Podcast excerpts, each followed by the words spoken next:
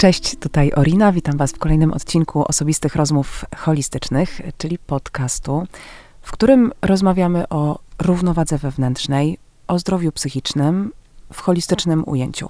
Ale myślę, że, że nie można mówić o zdrowiu bez kontekstu, w którym jesteśmy. Relacje i aspekt społeczny, w jakim jesteśmy zatopieni, jakość wzajemnej komunikacji i tego, jacy wobec siebie jesteśmy wzajemnie, wpływają na nas nieustannie. Więc jak o tym myślę, to zdrowie na poziomie społecznym staje się ogromną składową zdrowia w ogóle. Dzisiaj będziemy rozmawiać o tym, w jaki sposób w tych bardzo wymagających czasach budować pomosty, czyli jak ze sobą rozmawiać. Jest ze mną Ania Mills. Dzień dobry. Ania, um, pozwól, że Cię przedstawię. Um, ukończyłaś e, kurs i prowadzisz kursy MBSR, e, czyli uważności. Medytacją zajmujesz się od ponad 20 lat. Jesteś absolwentką podyplomowego studium trenerów grupowych e, na SWPS-ie. Jesteś też po filologii angielskiej na Uniwersytecie Warszawskim, ale poza kursami uważności prowadzisz szkolenia z komunikacji, rozwiązywania konfliktów i mediacji. Jesteś certyfikowaną trenerką porozumienia bez przemocy NVC i założycielką Akademii NVC i właśnie o NVC będziemy dzisiaj rozmawiać. To było e, około 20 lat temu, tak się mhm. zaczęła w ogóle. Marszał Rosenberg przyjechał do Polski i e, od tamtej pory w zasadzie moja praca jest związana z porozumieniem bez przemocy, ale te 20 lat temu rzeczywiście e, na zaproszenie wtedy to chyba była współpraca tak naprawdę, takim inicjatorem e, był Andrzej Krajewski. Że zbieżność nazwisk nieprzypadkowa? E, tak i e, Andrzej Krajewski, który był tutaj w Polsce z, nauczycielem i organizatorem odosobnień w Oświęcimiu, sprowadzał wielu nauczycieli tak, do Polski i, i nauczyciel Zen Bernie Glassman zaproponował, pamiętam, jako jedną z form dialogu w e, czasie tych odosobnień w Oświęcimiu e, porozumienie bez przemocy, tak? Sugerował, że to jest jeden ze sposobów, który może nam pomóc w takich trudnych rozmowach kiedy na te odosobnienia przyjeżdżali, przyjeżdżają ludzie z wielu krajów, historie rodzinne, wojenne i zauważyliśmy, że bardzo trudno czasem prowadzić te dialogi i, hmm. i różne były sposoby radzenia sobie z tym, kręgi dialogowe, róż, różne metody i właśnie porozumienie bez przemocy e, Najbardziej było, się sprawdziło? E, nie wiem, czy najbardziej. Było jedną z rekomendowanych właśnie i, i potem E, właśnie postanowiliśmy, z, czy raczej właśnie Andrzej Krajewski postanowił zaprosić marszala Rosenberga do Polski i, i potem już rozwijać to niezależnie od odosobnień oświęcimskich, bo właśnie się sprawdziło. Ania, y, wiesz co, chciałabym cię zapytać, bo to jest bardzo ciekawe i mam nadzieję, że zaraz wrócimy w ogóle do tych początków i do tego, w ogóle, y, kim marszał Rosenberg y, był, bo to absolutnie fascynująca postać. Ale chciałabym Cię zapytać w ogóle o samą definicję komunikacji, porozumienia bez, przemo bez przemocy, czyli NVC. Ta nazwa nie jest e, łatwa, tak bym powiedziała. I pamiętam, jak, e, jak Marshall Rosenberg był w Polsce, to wielokrotnie ludzie pytali go, dlaczego taka beznadziejna nazwa. Naprawdę? tak. Mi się podoba. E, wtedy Jakoś się, się to dobrze ludzie, kojarzy. E, wtedy, Ale że za długa, albo za... E, kilka było. Jedna języka. wątpliwości. Jedna wątpliwość taka, że to się komunikacja, to się ludziom z komunikacją miejską kojarzyło. A, a poza tym, dlaczego przemoc, że to takie wielkie mm. słowo w nazwie, e, ale też są powody, tak? To znaczy, Marszał mówił o słowie ahimsa, że to była próba przetłumaczenia słowa ahimsa, czyli taki rodzaj kontaktu z samym sobą, z drugim człowiekiem, w który w którym nie ma miejsca na przemocy, w której przemoc nie istnieje. No i jak mm. to oddać słowami inaczej, prawda? To jest takie jedno słowo, mm. które które trudno przetłumaczyć, więc to, to non-violence się wydaje najbliższe. Mm -hmm. Szczególnie, że myślę, że, że teraz już przemoc traktuje się o wiele szerzej. Być może te 20-30 lat temu e, ona była tak traktowana, czy to słowo było konotowane z taką e, typową agresją tak. i fizyczną agresją, a teraz już wiemy o tym, że mm, że przemoc może mieć przeróżne kolory, może być, e, mm, objawiać się w subtelnościach, w sugestiach czasami. To może być oczywiście właśnie emocjonalna przemoc, słowna przemoc, e, albo nawet milcząca przemoc. Więc jakoś ja, ja to tak to rozumiem. Tak, za, zupełnie się z Tobą zgadzam. Myślę, że właśnie bardzo dużo się zmieniło i nasza świadomość się po, przez ostatnie lata, przez chociażby mitu, jakby bardzo zwiększyła, mhm. prawda? E, na słowa, na znaczenie słów, jak pewne słowa, które były zupełnie nie, zachowania, które były zupełnie nieakceptowane, które są nieakceptowane teraz, a jakie było podejście do tak, nich jeszcze tak. kilkanaście lat temu. Ale też myślę, że to, co jest ważne w porozumieniu bez przemocy, to jest to patrzenie na intencje, czyli że nie tak bardzo czepianie się konkretnych słów, chociaż my dużo na konkretnych jednak sformułowaniach i słowach pracujemy, ale że przy tym wszystkim kluczem do porozumienia bez przemocy jest ta, gdzie jest nasza intencja. Czy my chcemy mieć rację, czy my chcemy wymusić, czy też my chcemy być naprawdę w kontakcie z drugą osobą. I wtedy słowa wydaje się, mm, że pojawiają się same, mm. tak? Więc to nie, nie jest też tak, że to chodzi tylko o takie punktowanie, czy właśnie, więc ta nazwa dlatego też dla mnie jest, jest nazwą po prostu, mm -hmm, tak? Mm -hmm, Ale nie mhm. to jest, nie to jest sednem sprawy. Czyli co powiedziałabyś, że składa się na e, porozumienie, komunikację bez przemocy? W porozumieniu bez przemocy chyba kluczowe jest takie E, patrzenie na człowieka i na komunikację, patrzenie na człowieka i jego motywację nie z e, perspektywy, czy to jest dobre, czy złe, tylko bardziej z takiej perspektywy, że wszystko, co robimy, to dlatego, że próbujemy zaspokoić jakieś nasze potrzeby i że patrzymy mm. bardziej na to, o jakich to jest potrzebach i czy to działanie, które wybieramy, żeby zaspokoić, rzeczywiście zaspokaja nasze potrzeby, czy też chociaż jest motywowane jakąś ważną potrzebą, to E, wyrządza krzywdę. Tak? Więc... Czyli założenie, założenie jest takie, że każdy z nas ma dobrą intencję, dlatego że tak naprawdę um, gdzieś tam dokopując się głęboko, głęboko, głęboko, zawsze to będzie o właśnie potrzebach, które przecież nie są, no właśnie tak jak mówisz, ani dobre, ani złe, one po prostu są.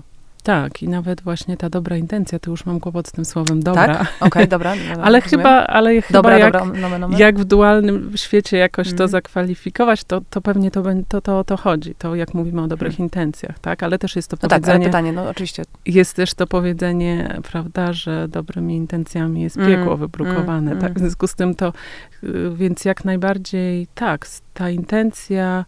E, w człowieku, że cokolwiek robię, to próbuję jak najlepiej w tym momencie mogę zaspokoić potrzeby. Mhm. To jest mhm. coś, co jest moim zdaniem takim, takim sednem sprawy, co powoduje, że możemy lepiej zrozumieć siebie, też kiedy mhm. zachowaliśmy się w taki sposób, że potem tego żałujemy, ale też zrozumieć na głębszym poziomie y, motywację ludzi wokół nas, którzy zachowują się w taki sposób, który y, jest dla nas trudny i też da większe pole do szukania rozwiązań, żeby zmienić to zachowanie, kiedy nie będziemy wychodzić z oceniania tej osoby, tylko właśnie z próby zrozumienia i mhm, dialogu. Mhm. I to jest ta druga czyli część. Próby, czyli pierwsza rzecz to mhm. jest próba zrozumienia intencji tak. tej osoby, z którą rozmawiam, z którą mogę mieć trudność w rozmowie, e, ale też zrozumienia własnych intencji, co mną powoduje, e, dlaczego mm, tak się czuję albo tak się zachowuję. Tak, jedno mhm. z drugim jest bardzo ściśle połączone, bo jeżeli będziemy rozumieć lepiej swoje motywacje, swoje działanie, swoje potrzeby, to też naturalnie łatwiej będzie nam rozpoznawać potrzeby innych ludzi. Ale to są te dwa obszary, w których my, na których się skupiamy w czasie szkoleń właśnie porozumienia. A, mo- a mogłabyś dać taki przykład, y, jak to mogłoby mm, wyglądać, powiedzmy właśnie słyszę coś, mhm. jakoś to interpretuję, a z drugiej strony mogę, mogę spojrzeć na to inaczej, tak żeby wyjść troszeczkę, wiesz, z abstrakcji i jakoś to usłyszeć. Mhm. No, taki przykład, kiedy na, na szkoleniu, tak, ktoś wyraża niezadowolenie i mówi, że to szkolenie to jest beznadziejne i strata czasu. Mhm. Tak, i jako prowadząca mogę się wkurzyć bardzo, zaprotestować i... Możesz się poczuć skrytykowana? Mogę się poczuć skrytykowana, ale też mogę pomyśleć o tym, okej, okay, to znaczy, że nie podoba się tej osobie coś, co tu się dzieje. O czym to może być? Czy to jest tak, że to, co, o czym rozmawiamy, jest oczywiste dla tej osoby, nudne i chciałaby właśnie więcej sensów słyszeć w tym, w tym co robimy, albo może jest e, za wolno dla tej osoby i chciałaby więcej energii w ćwiczeniach. Czyli mogę spróbować dowiedzieć się, co tak naprawdę poprzez zadawanie pytań, tak? Mhm. Z taką otwartą ciekawością, e, co, o co chodzi i co moglibyśmy zmienić, jakie to, o jakich to jest potrzebach tej osoby. Mhm, mhm. A to, to nie oznacza, że musisz odpowiadać na te potrzeby przecież, prawda? Tak. To, to że ja znam lepiej no potrzeby, nie zawsze znaczy, że ja się decyduję powiedzieć na to tak, ale mhm, mam więcej mhm. danych, można tak powiedzieć. Mhm. I to, co jest istotne, to, że w tej samej sytuacji e, ja mogę stwierdzić, ojej, to, co usłyszałam jest tak dla mnie trudne, że nie chcę tego tak zostawić, tak? Okay. Czyli popatrzenie na moje własne potrzeby, tak? Szacunku, jak i bycia zrozumianą, kontaktu właśnie z drugą osobą i wtedy mhm. mogę poprosić o to, że chętnie usłyszę, ale i, chciałabym innych słów, mhm. bo nie mam zgody na takie okay. sformułowanie, tak? Czyli mhm. to, jakie ja wybiorę rozwiązanie, jest, można powiedzieć, drugim krokiem, ale to, co jest pierwszym, to jest to, żeby właśnie rozumieć, co się dzieje na poziomie potrzeb i u nas, u mnie i u drugiej osoby. Czyli y, jest to cały czas balansowanie pomiędzy, rozumiem, słuchaniem drugiej osoby, takim, mówię o takim pogłębionym słuchaniu, czyli właśnie sięganiu, tak troszeczkę patrzeniu poprzez ten komunikat, który się pojawia, głębiej do tej intencji mhm. tej osoby, ale nie opuszczaniu też siebie. Tak. Czyli tutaj na, na dwie nogi po prostu. Tak, i tutaj rzeczywiście taka równowaga między jednym a drugim jest bardzo ważna, tak? My, mhm. To ciekawe, że użyłaś tego sformułowania dwie nogi, bo ja często na szkoleniach właśnie mówię o tym, że to jest tak, jak stoimy właśnie mhm. i jeśli jedna z tych nóg zupełnie nie działa, to w komunikacja też nie będzie działała, tak? Czyli, mhm. że to jest ważne szukanie tej równowagi, Czyli tym razem ja rzeczywiście pójdę na przykład za takim empatycznym słuchaniem tej drugiej osoby, ale jeżeli będę robiła to w każdej sytuacji, no to prawdopodobnie... Nie będę słyszeć swoich własnych potrzeb. Tak, może się okazać, że ja wtedy nie jestem jakoś wobec siebie też empatyczna. To jest tak samo ważne, więc to, to też jest takie spojrzenie e, trochę z większej perspektywy, prawda? Na to, czy w ogóle w naszej komunikacji e, ta noga słuchania i wyrażania się czy, czy one się balans, czy to się balansuje razem, tak? I to jest mm. też mhm. ważna część. I na szkolenia przychodzą właśnie ludzie z tymi dwoma motywacjami najczęściej, czyli jedni mówią o tym, że no świetnie rozpoznaję potrzeby ludzi wokół mnie, ale swoich potrzeb to ja w ogóle nie wiem, że je mam. Wydaje mi się, że częsty problem. Tak. Mm. To jest no, częsta motywacja, ale zdarza się też ta druga sytuacja, kiedy ktoś mówi, no ja mam wrażenie, że siebie dobrze rozumiem, ale ludzie wokół mówią mi, że ja ich w ogóle nie słucham i nie biorę mm. pod uwagę. Więc też mm. zdarzają się takie sytuacje, mm. kiedy to jest motywacją, -hmm. że -hmm. chcemy mhm. bardziej empatycznie być w dialogu, w tak. kontakcie z innymi tak. ludźmi, bo widzę, że tak. często wchodzę w kłótnie albo wycofuję się z relacji. To też jest często motywacją. Jesteśmy już w tym, na tych dwóch nogach stoimy przede wszystkim. E, odczytujemy, e, czy dowiadujemy się, zadając różne pytania, e, jaka jest intencja tej osoby. A dalej jesteśmy w sytuacji, w której tego porozumienia nie ma. Mhm. To jest taka, myślę o takiej definicji konfliktu. Mhm. Ja ostatnio, jak myślę o konflikcie, to, to taką roboczą definicję mam, że konflikt to jest taka sytuacja, kiedy Y, mamy inne stanowisko w jakiejś sprawie y, i nie ma zgody naszej, że mamy inne stanowisko. Mhm. I chcemy za wszelką cenę drugą osobę przekonać, że to ja mam rację i że to moja jest ta właściwa. Y, mhm. I bo, bo, myślę, że wszyscy znamy takie sytuacje z życia, kiedy ktoś, nawet nam bliski, ma zupełnie inne poglądy na jakiś temat i to w ogóle nie jest kłopotem tak? Czyli wtedy jest to, że możemy być w rozmowie, możemy o tym rozmawiać. Możemy, możemy być w ogóle w relacji i szacunku tak. wzajemnie. I, I cały, albo w, w miłości, mając osobne, inne zdania. Tak. I myślę, że to jest pomijane i mało doceniane. I myślę, że gdybyśmy hmm. częściej właśnie byli w, takich dia- w takim hmm. dialogu, e, kiedy mamy inne stanowisko, ale właśnie jesteśmy ciekawi swojego stanowiska. Nie, boi, nie, nie jesteśmy mm -hmm. te, nie wychodzimy z tej intencji, żeby na wszelką cenę przekonać drugą stronę. Mm -hmm. Tylko jesteśmy w otwartości i ciekawości. Musimy być w jakimś sensie osadzeni w sobie. O, wtedy nie czujemy zagrożenia, że ktoś nam odbierze naszą rację. Tak. Że jak jesteśmy w takim um, właśnie w, w braku pewności siebie, to każde przekonywanie nas wywołuje taki, takie napięcie i spięcie, że coś zostanie nam odebrane. Mhm. Um, albo, że się zarazimy jakąś opinią. Albo to tak, tak, tak, tak, tak dokładnie. Tak. Tak, i to jest mi mm. bliskie i ja jakby rozpoznaję to u siebie jak najbardziej i to jest, wydaje mi się też ważne, żeby pamiętać, że to jest praca na całe życie, że to nie jest tak, że e, poznam porozumienie bez przemocy i to zniknie, tylko że mogę e, zmniejszać ten, zmniejszać te obszary konfliktów i być bardziej uważna, ale nie też nie traktować konfliktów jako coś, czego trzeba za wszelką cenę unikać, bo, bo wydaje mi się, że konflikty są też okazją do kontaktu, i oczywiście konflikty mogą mhm. w oczywisty sposób niszczyć e, i być niszczące, ale też. Um, ale, ale, mogą być też rozwojowe. Dokładnie. Tak. Bo można. Y, ja mam takie doświadczenie, że właściwie y, jak, jak udało mi się przetrwać konflikty w taki mądry sposób, taki naprawdę uważny i właśnie z szacunkiem do drugiej osoby, gdzie ten wzajemny szacunek był zachowany, to to relacja się pogłębiała w efekcie. Mieliśmy, czy miałyśmy więcej informacji na, na, na, na swój temat wzajemnie, więc y, uważam, że one są po prostu poszerzające i pogłębiające. I też dają mnóstwo informacji zwrotnych o nas. Tak. Tylko oczywiście muszą być zachowane te wszystkie elementy. I teraz, wiesz, y, bo cały czas mam z tyłu głowy takie, takie pytanie jeszcze o, o samą metodologię mhm. komunikacji bez przemocy, e, bo ona się posługuje bardzo, bardzo e, śmiesznymi, zabawnymi symbolami, czyli język szakala, język żyrafy. Tak, to są, y, pamiętam jak właśnie Marshall na warsztatach swoich wyciągał ze swojej torby zawsze kukiełki szakala i żyrafy, żeby pokazać dwa sposoby komunikacji. I że to jest pewne uproszczenie, ale które bardzo pomaga zrozumieć, e, gdzie jesteśmy, czy tak. właśnie tak. jesteśmy w języku szakala i języku żyrafy, tak? I, e, i e, szakal był używany jako symbol takiego języka właśnie przemocowego, tak, czyli takiego języka, w którym E, jesteśmy w osądach, w tym, czy to właściwe, czy niewłaściwe, czy mądre, czy niemądre, diagnozach i właśnie w ocenianiu, krytykowaniu. Mhm. E, I szakal posługuje się też e, wymuszaniem, żądaniami, bo, bo nie zna właśnie swoich potrzeb, więc robi to w taki sposób, jak potrafi.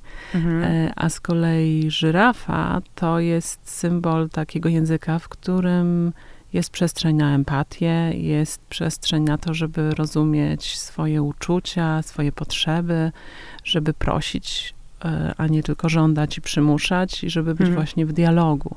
Ja bardzo lubię to wytłumaczenie, skąd w ogóle wzięło się, wzięła się ta symbolika. Jeśli chodzi o żerafę, to zapamiętałam, że to dlatego, że jest y, Y, zwierzęciem z ssakiem y, na świecie o największym sercu. Y, lądowym, tak. Lądowym, lądowym tak. tak. No tak, tak, tak, oczywiście. I ma mhm. też najdłuższą szyję, więc widzi wszystko z góry i bardzo szeroko. I to mnie bardzo wzrusza w ogóle, jak o, tym, jak o tym myślę, bo to jest to, do czego właśnie powinniśmy dążyć. Myślę, żeby z jednej strony widzieć szeroko, mieć tę przestrzeń, a z drugiej strony nie tracić kontaktu po prostu z tym, co jest w nas najbardziej żywe, czyli ze swoim sercem. Tak, i to rzeczywiście jest e, metafora, która pomaga i pomaga zobaczyć, to co, to, co jest dla mnie bardzo ważne, że też wszystkie metafory, no wiadomo, mają swoje ograniczenia i więc, żeby pamiętać też, że to nie jest tak, że są ludzie, którzy są szakalami i żyrafami, tylko, że to, jest, to są dwa sposoby komunikacji, który, mhm. z którego wszyscy korzystamy. Czasem jesteśmy tu, okay, a czasem tu, okay. po to, żeby nie tworzyć tego z kolei osądzania, prawda, mhm. że, a ten, że ten to a szakal. Ten to szakal. Tak. Rozumiem, rozumiem. A czym, y, jeszcze chciałabym tak cię to pytać, o ten y, język szakala, a potem język żyrafy, Um, powiedziałaś, czym on się charakteryzuje, ale um, jak, jakbyśmy mogły tak um, dać jakiś przykład, czy e, wiesz, żeby, żeby u, sobie zobrazować, usłyszeć takie komunikaty, które będą ocenne, właśnie będą oddzielające, będą przemocowe. Mhm. E, no tak przede wszystkim to są wszelkiego rodzaju oceny, tak? Czyli jesteś. Jesteś beznadziejna, jesteś do niczego, mhm. jesteś super profesjonalna, tak? Czyli, to samo Czyli i pozytywne, i negatywne. negatywne. Ale takie, mhm, które nie mhm. mówią o tym, co my tak naprawdę robimy, które nie dają nam informacji, o co tak naprawdę chodzi, bo tak, bo, e, więc takie wszystkie zawsze, nigdy, Aha. ogólnikowe takie stwierdzenia oceniające, diagnozujące drugą osobę, tak? A język y, żyrafy, który można w takim empatycznym dialogu, można powiedzieć, że nawet pod tym językiem szakala jest gdzieś żyrafa, tak? Pamiętam właśnie w tych kukiełkach Marszala, on y, wyciągał ze środka tego szakala taką malusieńką żyrafę, tak? Żeby pokazać o tym, że za tym komunikatami, które są bardzo trudne, też gdzieś hmm. głębiej jest. We wszystkich nas jest mała żyrafa. Tak, się nauczyliśmy w ten sposób hmm. wyrażać tak. nasze uczucia. Coś takiego też przeczytałam, że właśnie y, każdy szakal jest tak naprawdę żyrafą z problemami komunikacyjnymi. Tak, to jest, to tak, mi się to strasznie podoba. oddanie tego. tak, ale um, wiesz, jeszcze chciałam cię dopytać, jeszcze zostając trochę przy, przy mhm. szakalu, um, bo coś, co też ze mną e, zostało i rezonuje, to jest to, że właściwie często w takich ocennych komunikatach my się porywamy na jakąś projekcję, bo właśnie zbyt rzadko zadajemy pytania weryfikujące. Mhm. To dla mnie było w ogóle, to jest odkryciem naprawdę ostatnich kilku miesięcy, bo nie zdawałam sobie sprawy e, z tego, że e, tak często to robię. Czując się w określony sposób, tak naprawdę zrobiłam pewne założenie, mhm. jaką intencję miał ten ktoś, mówiąc to i to i to, albo robiąc to i to i to, bo to nie musi być komunikat werbalny. Mhm. I dopracowałam sobie wspaniałą historię, domalowałam obraz, postawiłam po prostu już na tym e, rzeźbę mhm. i zacementowałam. I właściwie to nakręciło mój stan wewnętrzny, yy, napięcie, które ogromnie wzrosło. Teraz zaczęłam to łamać, jakoś tak eksperymentować z tym. I, i to było niesamowicie uwalniające, kiedy zdałam właśnie sobie sprawę z tego, jak często robię te założenia i że one nie muszą pokrywać się z prawdą. Mhm. Oczywiście mogą, ale ja tego nie wiem. Mhm. Dopóki nie sprawdzę, dopóki nie zapytam właśnie, jaka była intencja po drugiej stronie, co ten ktoś tak naprawdę miał na myśli i nie dam być może feedbacku z tego, jak się, jak to odebrałam, jak się poczułam. E, czy powiedziałabyś, że to właśnie należy do takiego sposobu e, związanego z komunikacją bez przemocy? E, tak, myślę, że to, to, czym powiedziałaś, to też jest bardzo związane z tym, co Marshall nazywa uczuciami rzekomymi. I jakby bardzo kluczowym aspektem tego, żeby rozpoznać nasze potrzeby, jest to, żeby rozumieć nasze uczucia, tak? Czyli mówimy o tym, że jeżeli potrzeby są zaspokojone, to czujemy te uczucia, które są bardziej przyjemne. A wtedy, kiedy nasze potrzeby są niezaspokojone, to czujemy te uczucia, które są mniej, mniej przyjemne. Czyli każde uczucie, można powiedzieć, że jest taką flagą informującą mhm. nas o tym, że jakaś ważna potrzeba jest zaspokojona lub A nieprzyjemne to są, jest jakaś taka sztywna kwalifikacja, które są nieprzyjemne? E, no, mniej przyjemne uczucia to mogą być smutek, złość, e, rozczarowanie, wściekłość, e, lęk, mhm. Niepokój tak? Te, -hmm. tak te, I one są tak samo ważne jak te przyjemne, ale może mniej w ciele e, to, no właśnie, mniej przyjemne są dla -hmm. naszego ciała, więc łatwiej się próbujemy od nich e, jakoś odsunąć. Ale, ale te uczucia, to, to o czym mówiłaś, przypomina mi całą kategorię uczuć, które mm, zanim poznałam porozumienie bez przemocy, nie byłam świadoma tego rozróżnienia, ale te uczucia rzekome to są takie uczucia, cała lista ich jest. Czuję się okłamana, czuję się niedoceniona, czuję się manipulowana, zignorowana, zignorowana albo z kolei e, czuję się doceniona, bo to może być tak samo w tej, w tej kategorii, czuję się hmm. uwielbiana, tak, i tak dalej, i tak dalej. Czyli A to nie są realne uczucia? To, to wszystko są słowa, jak się im przyjrzymy bliżej, które nie mówią o tym, co się dzieje w naszym ciele, bo tutaj jest moim zdaniem mm. no, uczucia, żeby to jest jakiś, to jest coś, co dzieje się w ciele, co próbujemy jakoś nazwać, prawda?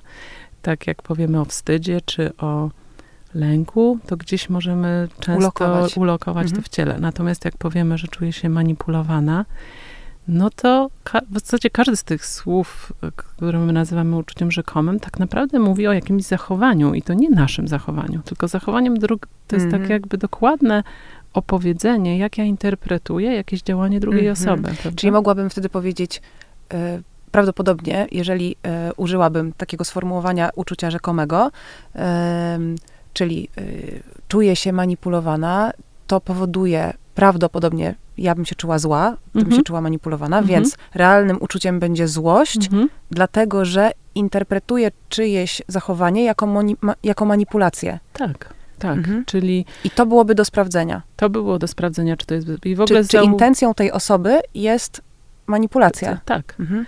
I też co u mnie się dzieje, jak właśnie czuję tą złość, o jakiej to jest mojej potrzebie, jakiegoś Aha. szacunku, Aha. uczciwości. To jest ta siła napędowa do tego, żeby wejść w dialog. Jak ja Aha, aha. nazwę swoje potrzeby, to dzieje się coś takiego, że ja mam większą wtedy jasność na poziomie też takiej właśnie, że uruchamia się takie Mhm. większe do działania, prawda? Bo ja wtedy jestem Mhm. właścicielką moich potrzeb i one mnie Mhm. motywują, tak? Czyli, że nie tylko to, Czyli że... jeżeli odbijamy się od tej, powiedzmy, interpretowanej manipulacji, y, s- spotykamy się ze swoją złością, y, idziemy krok dalej, nazywamy swoją potrzebę, czyli mm, w, w tej sytuacji moją potrzebą jest, powiedzmy, bycie traktowaną y, z szacunkiem, Mhm. Z y, uczciwością. Z uczciwością, aha. Rozumiem. I to jest też świetny przykład na to, jak złość jest ważna w naszym życiu, prawda? Czyli my często, Tak. po polsku to w ogóle to słowo już, że złość ma w sobie zła, prawda? Mm.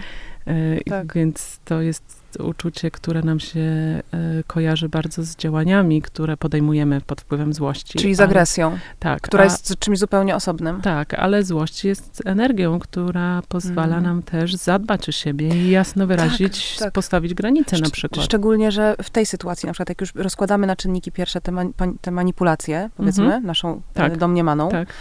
em, to ta złość, ta dawka energii złości, która prowadzi potem do potrzeby bycia traktowaną uczciwie, w uczciwy sposób, to, to jakoś wyobrażam sobie, że od, od razu jakby schodzi mi z tej złości, ale jestem przy swojej potrzebie i właśnie mam impuls do tego, żeby o tę potrzebę zadbać, nie Tak. utykać jakby w złości, Tak. tylko mogę zrobić wtedy właśnie, ym, mogę powiedzieć głośno i wyraźnie o tym, że mam taką potrzebę, mogę zrobić krok do tyłu, mogę wyjść z pokoju, mogę, nie wiem, jeżeli to się o, oczywiście odbywa Mhm. w takiej rozmowie, czyli jest x wtedy różnych e, czynności, Tak. które mogę podjąć w związku z tym. Tak, i w porozumieniu bez przemocy model tej komunikacji opiera się o cztery kroki. My nazwałyśmy dwa z tych Mhm. czterech kroków, e, czyli uczucie i potrzeba, a czwartym krokiem jest to, co ja w związku... e, Pierwszym krokiem, to Tak. żeśmy nie nazwały Aha, no, no. go jeszcze, jest co się tak naprawdę dzieje, czyli co jest bodźcem, jaka jest moja obserwac- o- obserwacja, prawda? Czyli Mhm. pewnie ktoś najpierw coś powiedział do ciebie, Okej. Mhm. Czyli najpierw bodziec. tak, jaki jest bodziec na poziomie faktów. Nie ocena moja tego, tylko co się wydarzyło. Czyli jakiś Tak. cytat, jakaś wypowiedź tej osoby. Pojawia się uczucie, wtedy drugi krok to jest uczucie, złość Mhm, na przykład. Mhm, mhm. Potem trzeci krok to jest potrzeba. A czwartym krokiem, który jest bardzo ważny, w, szczególnie w tego sytuacjach, co ja w związku z tym chcę zrobić, czyli, jak, czyli prośby. Czyli to rozróżnienie Mm. między tym, że ja mam jakieś potrzeby, a tym, w jaki sposób ja realizuję, Mm. Też jest takim bardzo, my to mówimy o tym, że to jedno z kluczo- kluczowych rozróżnień jest, tak? Czyli, że potrzeby są zawsze na takim poziomie bardziej ogólnym, abstrakcyjnym, ale też wspólnym dla wszystkich ludzi na świecie i łączącym nas. Natomiast potem jest ważne, w jaki sposób ja chcę o tą potrzebę zadbać. I, I w tym przykładzie, który dałaś, jeżeli wiem, że chodzi mi o autentyczność i szacunek, no to widzę, że jest ileś sposobów na zaspokojenie tej potrzeby. Z jednej strony jest jakaś rozmowa z tą osobą, poproszenie o coś, żeby było inaczej, Mhm. ale z drugiej strony to ja też mogę zobaczyć, a w zasadzie to ja mogę sama, na, nawet jak ta osoba nie będzie skłonna do tego, to ja też mogę sama zadbać o szacunek e, i autentyczność w rozmowie, prawda? Czyli Nawet w taki jednostronny sposób? Tak, zdarza się, że dla mnie no, w skrajnych sytuacjach może być tak, że ze względu na szacunek i, e, i właśnie autentyczność. E, jak spróbuję powiedzieć o tym kilka razy tej osobie i, i to nie przyniesie skutku, to mogę się zdecydować na niekontynuowanie relacji. Tak? Mhm. Czyli to nie znaczy, że żyrafa jest, e, język żyrafy jest zawsze miły, uprzejmy. No właśnie, o to też chciałam zapytać. Tak, i, mhm. i taki spolegliwy. Absolutnie nie. To też oznacza czasem, że podejmujemy jakieś trudne decyzje i ucinamy mhm. na przykład mhm. jakąś, mhm. jakąś rozmowę czy mhm. relację. Ale wiesz, y, bo tutaj mm, wchodzi cały, cały wielki dział i rozdział e, stawiania granic i tego, w jaki sposób żyrafa stawiałaby mhm. granice. Um, mhm. Czasami, tak jak y, rozmawiamy, sytuacja będzie wymagała bardzo ostrego na przykład zareagowania, dlatego że y, kilka razy apelujemy, prosimy, um, mhm. nazywamy swoje potrzeby i powiedzmy ta druga strona cały czas y, jest zamknięta, nie słucha, cały czas kontynuuje swoją narrację szakalową, powiedzmy. Mhm. Mm, to jak wygląda takie nieprzemocowe stawianie granic? Ja szczerze powiem, że z tym sformułowaniem granicy, podobnie jak z takim sformułowaniem bliskim o asertywności, mam pewną trudność. Mhm. Dlatego, że wydaje mi się, że My w porozumieniu bez przemocy działamy trochę wcześniej, trochę jest bardziej o zapobieganiu pewnych sytuacjom, a nie tylko działaniu wobec nich. W, w tak najtrudniejszych. To nie jest tak, że porozumienie bez przemocy dopiero wtedy, jak już jest na ostrzu noża coś. Aha, aha. I wydaje mi się, że jeżeli my e, rzeczywiście komunikujemy się ze sobą na co dzień, takich codziennych, jak nawet jestem sama ze sobą, jak jestem w kontakcie, sprawdzam moje uczucia i potrzeby, idę za tym, świadomie podejmuję decyzje, to granice wtedy sam, to się dzieje samo. Nie trzeba wtedy tak bardzo zwracać uwagę, czy moje granice, bo, bo, bo właśnie jak sprawdzam moje uczucia, to jak mhm. coś będzie nie tak, to ja będę odczuwała właśnie, poja- będzie się pojawić smutek, będzie się pojawiało rozczarowanie, będzie się pojawiała złość i będę miała sygnały o tym wcześniej. I wtedy te granice nie muszą urastać do jakiegoś takiego specjalnego, wyjątkowego zachowania, tylko jest to częścią takiego codziennej, hmm, e, zdrowej praktyki. praktyki. Bardzo czyli, ciekawe. Czyli jeżeli ja potrafię na co dzień mówić nie w tych drobnych, łatwych rzeczach, to jak się pojawi coś większego, będę, będę wiedziała, jak też za na to zareagować. Ale jest to przede wszystkim o wsłuchiwaniu się w siebie. Tak. Czyli właśnie nie uciekniemy tutaj znowu od praktyki uważności w takiej czy innej formie, ale e, takiego zwrócenia się ku sobie po prostu. Tak, tak. Bardzo ciekawe, bo to jest, y, mówimy o komunikacji między nami, mhm. międzyludzkiej, ale nie, y, nie jest to po prostu do rozerwania od, czy oddzielenia od tak naprawdę komunikacji z sobą samą. Tak. Z, sobą, sam, z samym sobą. Tak. I podobnie myślę, że jest właśnie z tym tematem asertywności, że jak dawałaś ten właśnie przykład o, o nazywaniu swoich potrzeb i mówiłaś o tym, że się coś innego, jakiś nowy obszar pojawia, jak nazywasz te potrzeby. I też widać było, jak się poruszyłaś. Mhm. I ja też tak to odbieram, że jak my nazywamy swoje potrzeby, to jest trochę taka, takie odczucie, jakbyśmy pewniej stali na ziemi. Tak, jakby tak, y, wiemy wtedy. I to, I to ja nazywam asertywnością. Tak? To nie jest jak, asertywność to nie jest jakieś, czy stawianie granic nie jest jakimś jednym konkretnym sformułowaniem, które będziemy na zewnątrz, tylko to jest to hmm. stanie, stanie pewny na swoich nogach i zaufanie do siebie budowane przez praktykę, że jak będzie potrzeba, to będę potrafiła zadbać o potrzeby swoje. I mhm. to nie zawsze mhm. oznacza... No właśnie, a czy to, mhm. czy to oznacza, że zawsze mamy być wierne i wierni swoim potrzebom. Dwie rzeczy mi przychodzą do głowy. E, z jednej strony to jest to, w jaki sposób rozumiemy potrzeby. Czyli, że jak mówię nawet o moich potrzebach, to nie znaczy, że to chodzi tylko o mnie.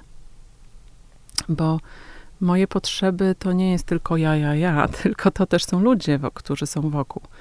Czyli jak e, widzę że na ulicy ktoś krzyczy na drugą osobę i nawet jak ja nie znam tych dwóch osób, no to moja potrzeba szacunku jest niezaspokojona, bo moja potrzeba mm. szacunku nie dotyczy tylko mnie fizycznie, to tylko ona dotyczy w ogóle mm.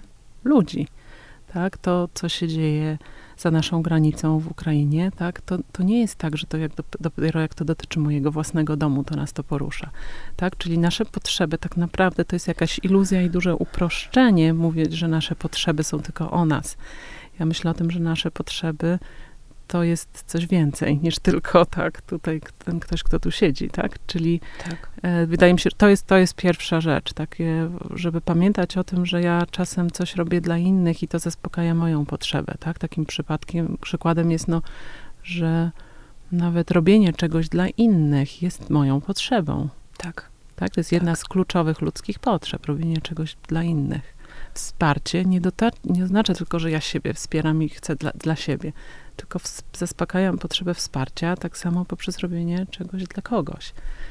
Także zaufanie, tak samo, tak? Czyli te, to jest takie szersze patrzenie. No to jest pierwszym krokiem, żeby tak rozumieć siebie i to jest, można powiedzieć, taki pierwszy bazowy, na tym budujemy, ale potem przy, zaczynamy to przekraczać, bo widzimy, że to nie chodzi tylko Rozszerzać o mnie. się. Tak, więc to jest jedna, e, jeden sposób odpowie, odpowiedzi na, na twoje pytanie. A drugie to jest to, że no my mówimy o tej nodze y, wyrażania siebie i słuchania drugiej strony i że czasem właśnie odpowiedzią na jakąś trudną sytuację, której nie potrafi rozwiązać, nie będzie to, żeby jeszcze więcej o sobie, u siebie sprawdzać, tylko czasem właśnie decyduje się na to, żeby jednak więcej posłuchać.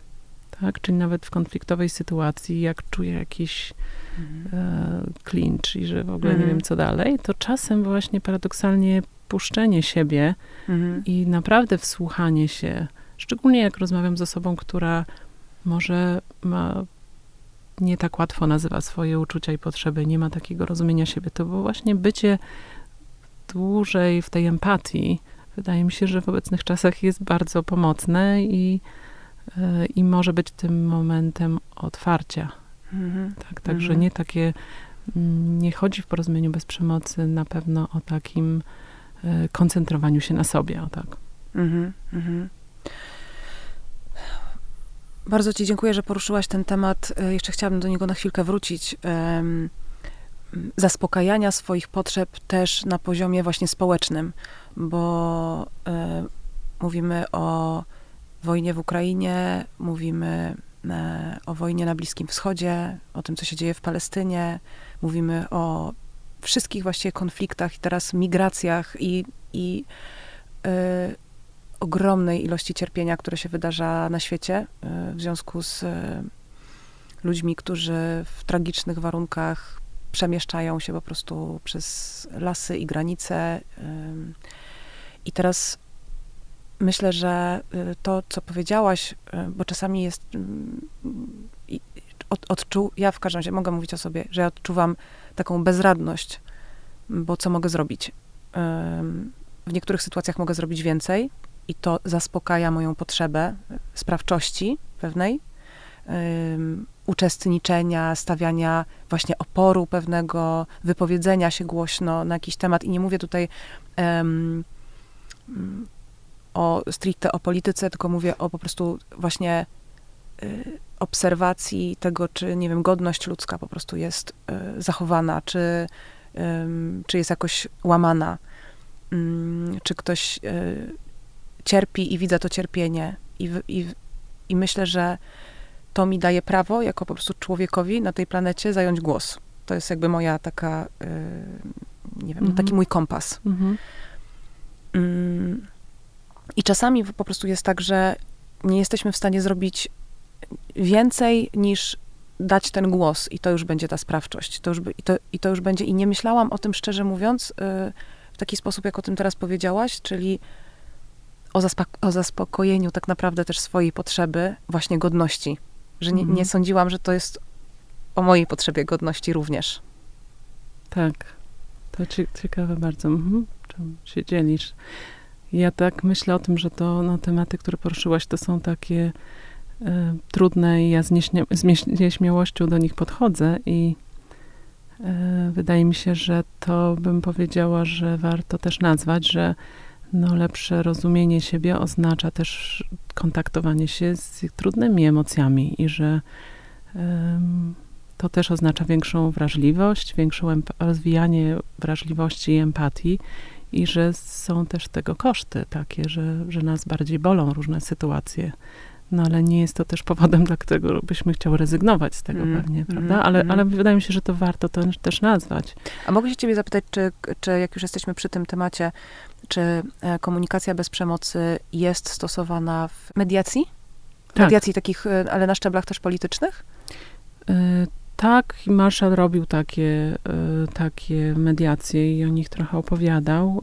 Natomiast ja nie znam w tej chwili takich projektów, które by, by się działy. Natomiast no, chociażby wiem, że w tej chwili na forum mamy takie międzynarodowe forum certyfikowanych trenerów na świecie. No i na przykład odbywają się teraz spotkania właśnie między trenerami, którzy są z Palestyny i e, z strefy gazy i e, Izraela i że spotykają się, rozmawiają wspólnie, są w dialogu właśnie o tym, co się dzieje, żeby się wspierać nawzajem w tej, -hmm. tej sytuacji. Ale to bardziej jest taka e, to nie jest jakby na szczeblach rozumiem, rozumiem. polityki wysokich, tylko bardziej taka praca oddolna, bym powiedziała. Mhm. Czy jest taka, i czy to nie jest zagrożeniem, taka formułka, którą moglibyśmy stosować, mhm. czy ona nie staje się, czy, czy, jest właśnie zagrożenie tego, że ona stanie się na przykład taką tylko formułką, e, a być może nie, być może jest jakby coś, o czym powinniśmy zawsze pamiętać, czy jakieś słowa klucze,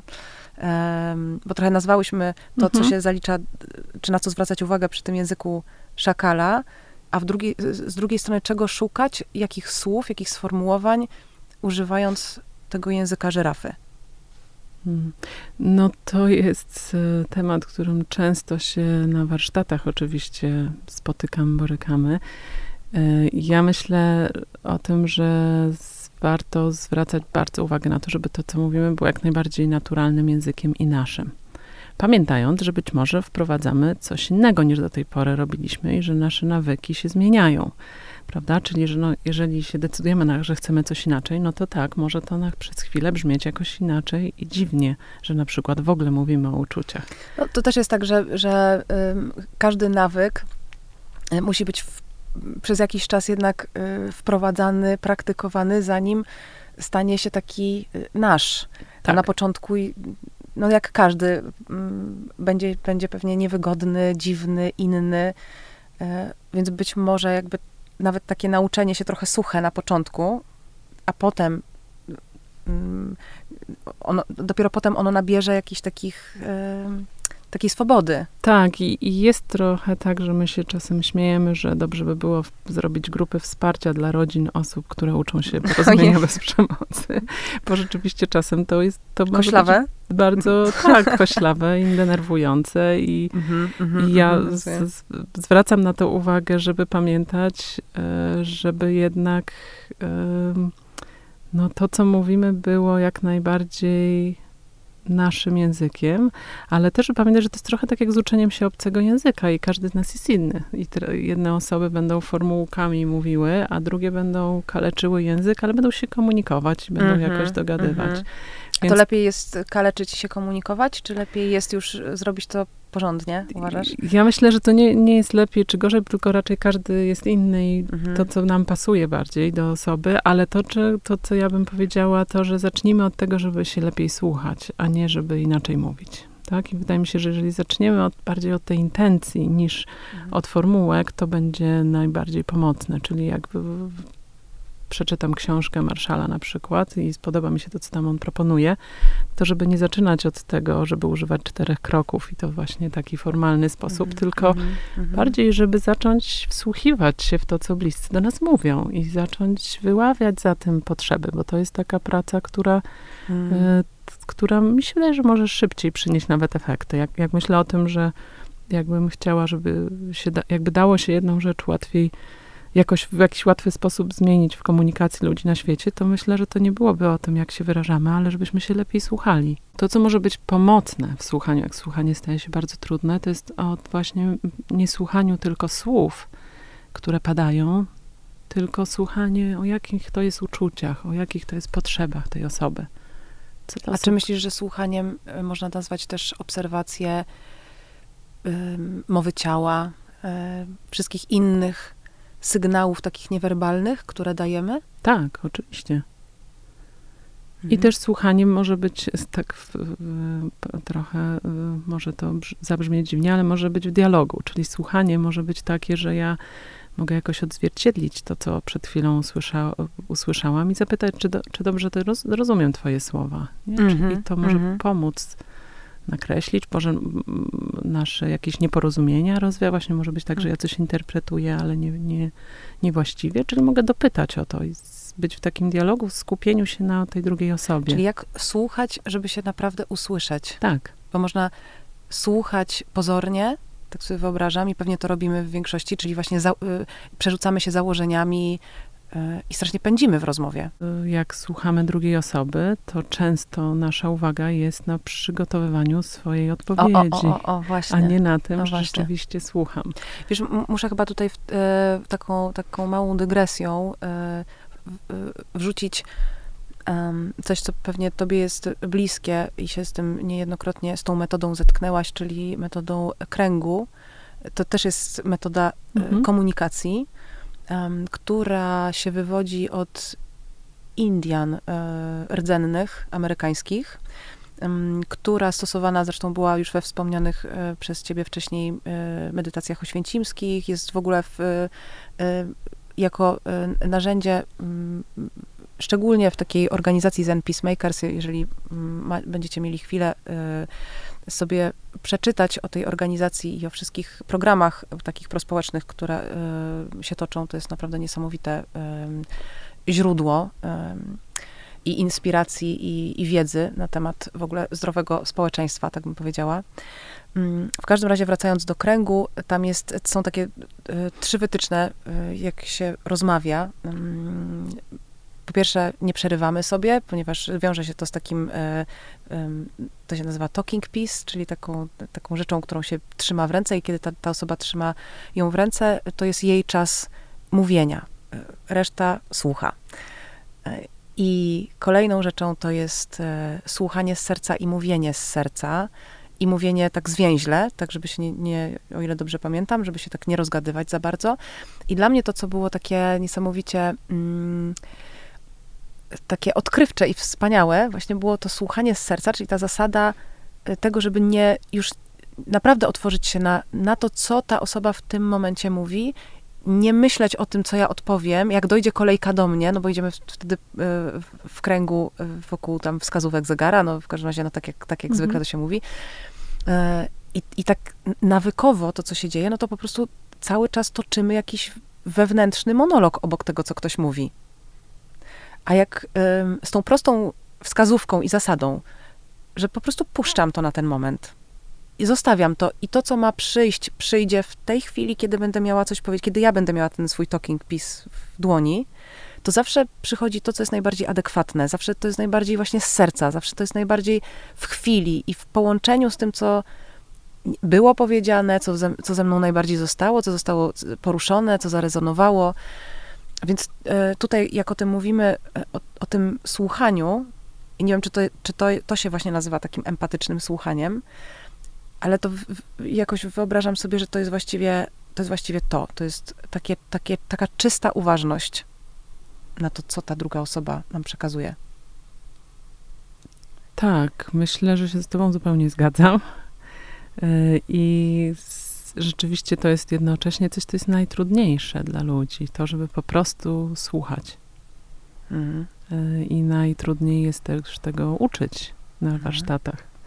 I boję się, tak- sobie wyobrażam, że na przykład to, to, dlatego, dlatego trudne jest słuchać, bo boję się, że nie będę miała nic do powiedzenia, więc już wymyślam, co będę, co, co, co powiem. Tak, Albo ym, właśnie boję się, że stracę siebie, na przykład. Tak zatapiając się w, w kimś. tak. To też jest często obawa, albo właśnie, że zmienię zdanie. Mhm, mhm. Tak jakby to, ta zmiana zdania była zagrożeniem dla, dla mnie w Tak. ogóle, nie? Dla mojego istnienia. To Tak, jest ciekawe. tak.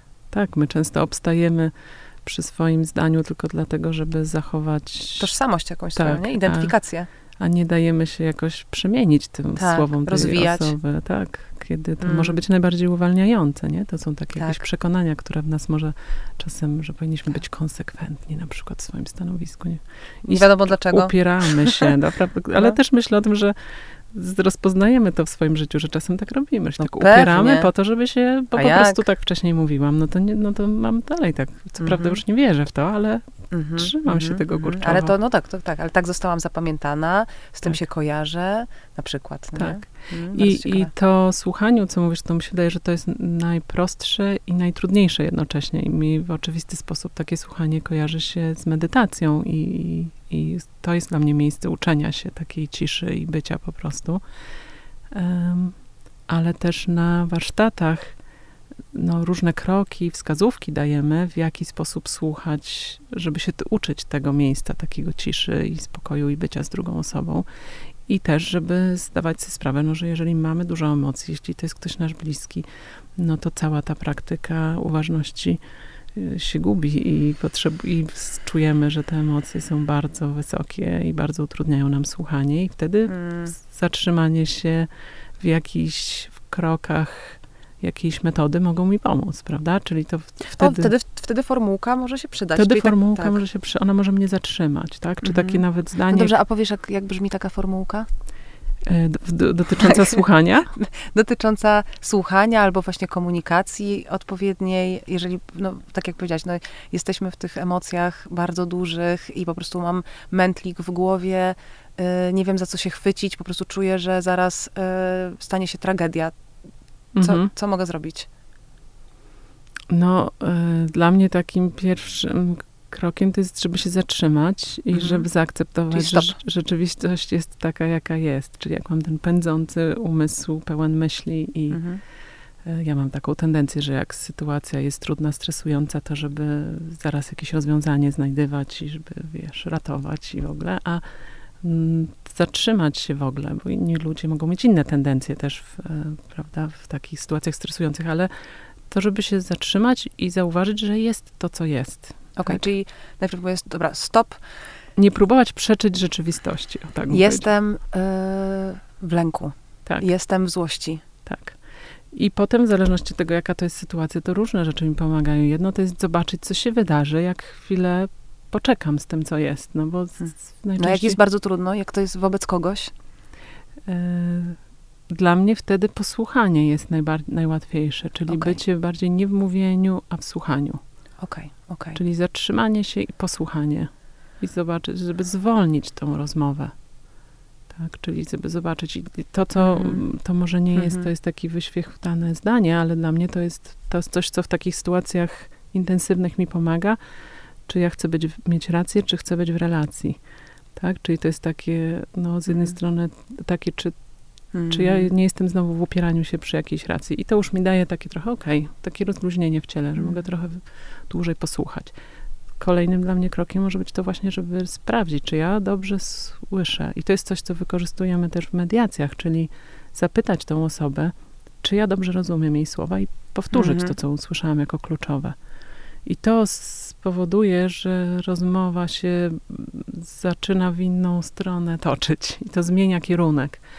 I jak ja kilka razy sparafrazuję coś, co słyszę, to wtedy też większa się pojawia przestrzeń zwykle po drugiej stronie, żeby Mhm. usłyszeć potem mój punkt widzenia. Tak? Także to jest taki sposób nawigowania trochę w trudnej sytuacji. Czyli em, podsumowując, em, otwierasz się na słuchanie, ale Mhm. też nie porzucasz siebie, bo potem tworzysz przestrzeń taką, e, w której ty możesz się wypowiedzieć Tak. i możesz mm, dać świadectwo tego, jak coś odebrałaś, jak się czujesz w tym momencie, i jakie są twoje potrzeby tak. i poprosić o coś. I też myślę, że to nie jest rozwiązanie dla wszystkich, bo to ja jestem taką osobą, że jak jest trudno, to ja idę w działanie, w mówienie i zwykle dużo mówię. Ale jeżeli zauważamy u siebie, że naszym nawykiem jest bardziej to, że w trudnej sytuacji ja milknę i nic nie mówię, to może wtedy właśnie wskazówką by było powiedzieć, sprawdzić, jak ja się teraz czuję, jakie, jak, jakie to jest uczucie, co ja teraz czuję, powiedzieć to na głos, żeby druga osoba usłyszała. Sp- za- pozastanawiać się na głos, o jakiej to jest potrzebie. Mhm, mhm. I może mam jakąś prośbę do drugiej mhm. osoby. Czyli jeżeli taką mam tendencję, żeby cały czas się z kolei zajmować innymi, to być może okay, dobrym, dobrą wskazówką, żeby jakoś inaczej rozmowy się toczyły, jest wyrazić siebie. -hmm, mm -hmm. Bo to jest wtedy jednocześnie dla siebie to robię. Ja się zatrzymuję poprzez to, że sprawdzam to, co ja czuję, jak zadaję sobie to pytanie i nazywam to na głos, to jednocześnie ten mój proces myślowy się spowalnia, prawda? I te natrętne myśli, które tak pędzą, hmm. wtedy się zatrzymuje i wtedy wykorzystanie właśnie tego, co znamy z medytacji, czyli sprawdzenia, co ja czuję w moim ciele w tym momencie, kontakt z ciałem, z oddechem, to, to, nie, to będzie miało wpływ na tą rozmowę hmm. już, prawda? Jak na, hmm. będę nazywała uczucia i potrzeby. Także bym powiedziała, że jedno i drugie rozwiązanie mm-hmm. może być takim sposobem zatrzymania się w trudnej rozmowie i poprowadzenia trochę w innym kierunku. Chciałabym Cię, Ania, na koniec jeszcze zapytać o, o to, jak na co dzień, być może tak na sucho, właśnie, bo jak powiedziałaś o tym, że, że w sumie komunikacja bez przemocy jest taką e, formą profilaktyki, mm-hmm. to jak możemy ćwiczyć e, sobie to NVC, a na koniec, y, czy masz jakąś książkę do polecenia, czy masz jakieś materiały, y, po które można sięgnąć, jeśli chodzi o rozwijanie i w ogóle dowiedzenie się więcej e, na temat e, komunikacji bez przemocy? Ja pamiętam, jak um, uczyłam się porozumienia bez przemocy na początku, to miałam zapisane te cztery kroki gdzieś w notesie, w kalendarzu, wtedy jeszcze kalendarze były w formie pisanej E, czyli obserwacje, uczucia, potrzeby, prośba. prośba. I, e, I dwie jakości z tym związane, z tym, czyli szczerość i empatia. Tak? Szczerość i mhm. empatia. Mm-hmm. I można powiedzieć, ja miałam wręcz takie strzałki, pamiętam. W jedną stronę była strzałka szczerość w wyrażaniu siebie i te same cztery kroki, empatia w słuchaniu też drugiej osoby. I siebie. I siebie. I dla mnie takie sprawdzanie w różnych sytuacjach w ciągu dnia, co ja teraz czuję, samo to, jakie są teraz moje uczucia. Albo jak odbieram jakiś dyskomfort z ciała, to sprawdzić, gdzie on jest, co to jest, czy, czy za tym jest jakieś uczucie. Albo y, jak wieczorem po trudnym dniu jakieś mam dużo myśli, to wtedy spróbować, jakie, o jakich to jest moich potrzebach niektórzy piszą dziennik taki empatyczny, tak? Czyli, że różne sytuacje z dnia zapisują sobie właśnie i tak próbują przyjrzeć się uczuciom i potrzebom. E, to jest też wskazówka. I, e, i tak samo ważne jest dla mnie pamiętanie, to mówiłyśmy raczej o takich sytuacjach trudnych i kiedy nasze potrzeby są niezaspokojone, ale też zwracanie uwagi na nasze ciało i uczucia, kiedy jest, przeżywamy coś przyjemnego, kiedy przeżywamy wzruszenie, miłość, tak, jakieś rozczulenie, e, e, radość, ekscytację, podniecenie, kiedy i, i tak samo popatrzenie, jak, o jakich to jest potrzebach. Hmm. Dlaczego? Wtedy mamy taką też informację, można powiedzieć. O jakby zwrotną. zaspokojonych potrzebach. Tak, mhm. zaspokojonych. I jak wiemy, o jakich to jest potrzebach, to możemy też zwracać uwagę, żeby częściej tak, w życiu tak, szukać tak. różnych sposobów. Mhm. E, I to jest coś, co można powiedzieć, tak działa, że jak zaczniemy to ćwiczyć to i zobaczymy, że to działa, to to daje motywację, żeby mhm. kontynuować dalej. Mm, tak, żeby też się nie zatapiać cały czas w tym negatywnym, tak. ale rozszerzać ten pozytywny świat. Tak. Jeśli mhm. widzę, że coś mi daje tak dużo radości mhm. e, e, i jeśli widzę, że to po prostu endorfiny czuję, nie? To, mhm to jakie to, jest, jakie to są zaspokojone potrzeby. Hmm. I to jest ważna fajne, informacja. Fajne. O Zrobię tym, to. Tak, jak planować swój, nie wiem, tydzień tak, wakacji, tak? tak? Czy, e, czy czas wolny, czy jak wprowadzać tego, tego więcej w, właśnie w sytuację pracy na przykład, tak? I relacje z bliskimi wokół nas. Jak, jak świadomie zaplanować mhm. zaspokajanie potrzeb. To jeszcze książka na koniec. E, ja chyba bym poleciła, bo myślę, że teraz to jest bardzo kilkadziesiąt książek z porozumienia bez przemocy, ale ja bym namawiała, żeby wrócić do tej podstawowej książki i sama do niej wracam i, e, i słucham nagrań Marszala w dalszym ciągu. E, książka pod tytułem po prostu Porozumienie bez przemocy, Marshall Rosenberg. Ona od 20 lat jest regularnie dodrukowywana i chyba to, jak miałam mm. jedną książkę polecić, to była właśnie ta książka, bo ona jest najbardziej taka kompleksowa. Oczywiście jest wiele książek o zastosowaniu tej metody, czy w biznesie, czy w szkolnictwie, czy edukacji, czy w związkach, ale myślę, że to jest taką mm. pigułką, bym mm. powiedziała, którą bym poleciła. Dziękuję Ci bardzo, Aniu. Dziękuję. Też dziękuję za tą rozmowę i wymianę. W słuchaniu. Mam nadzieję. Tak. Do usłyszenia.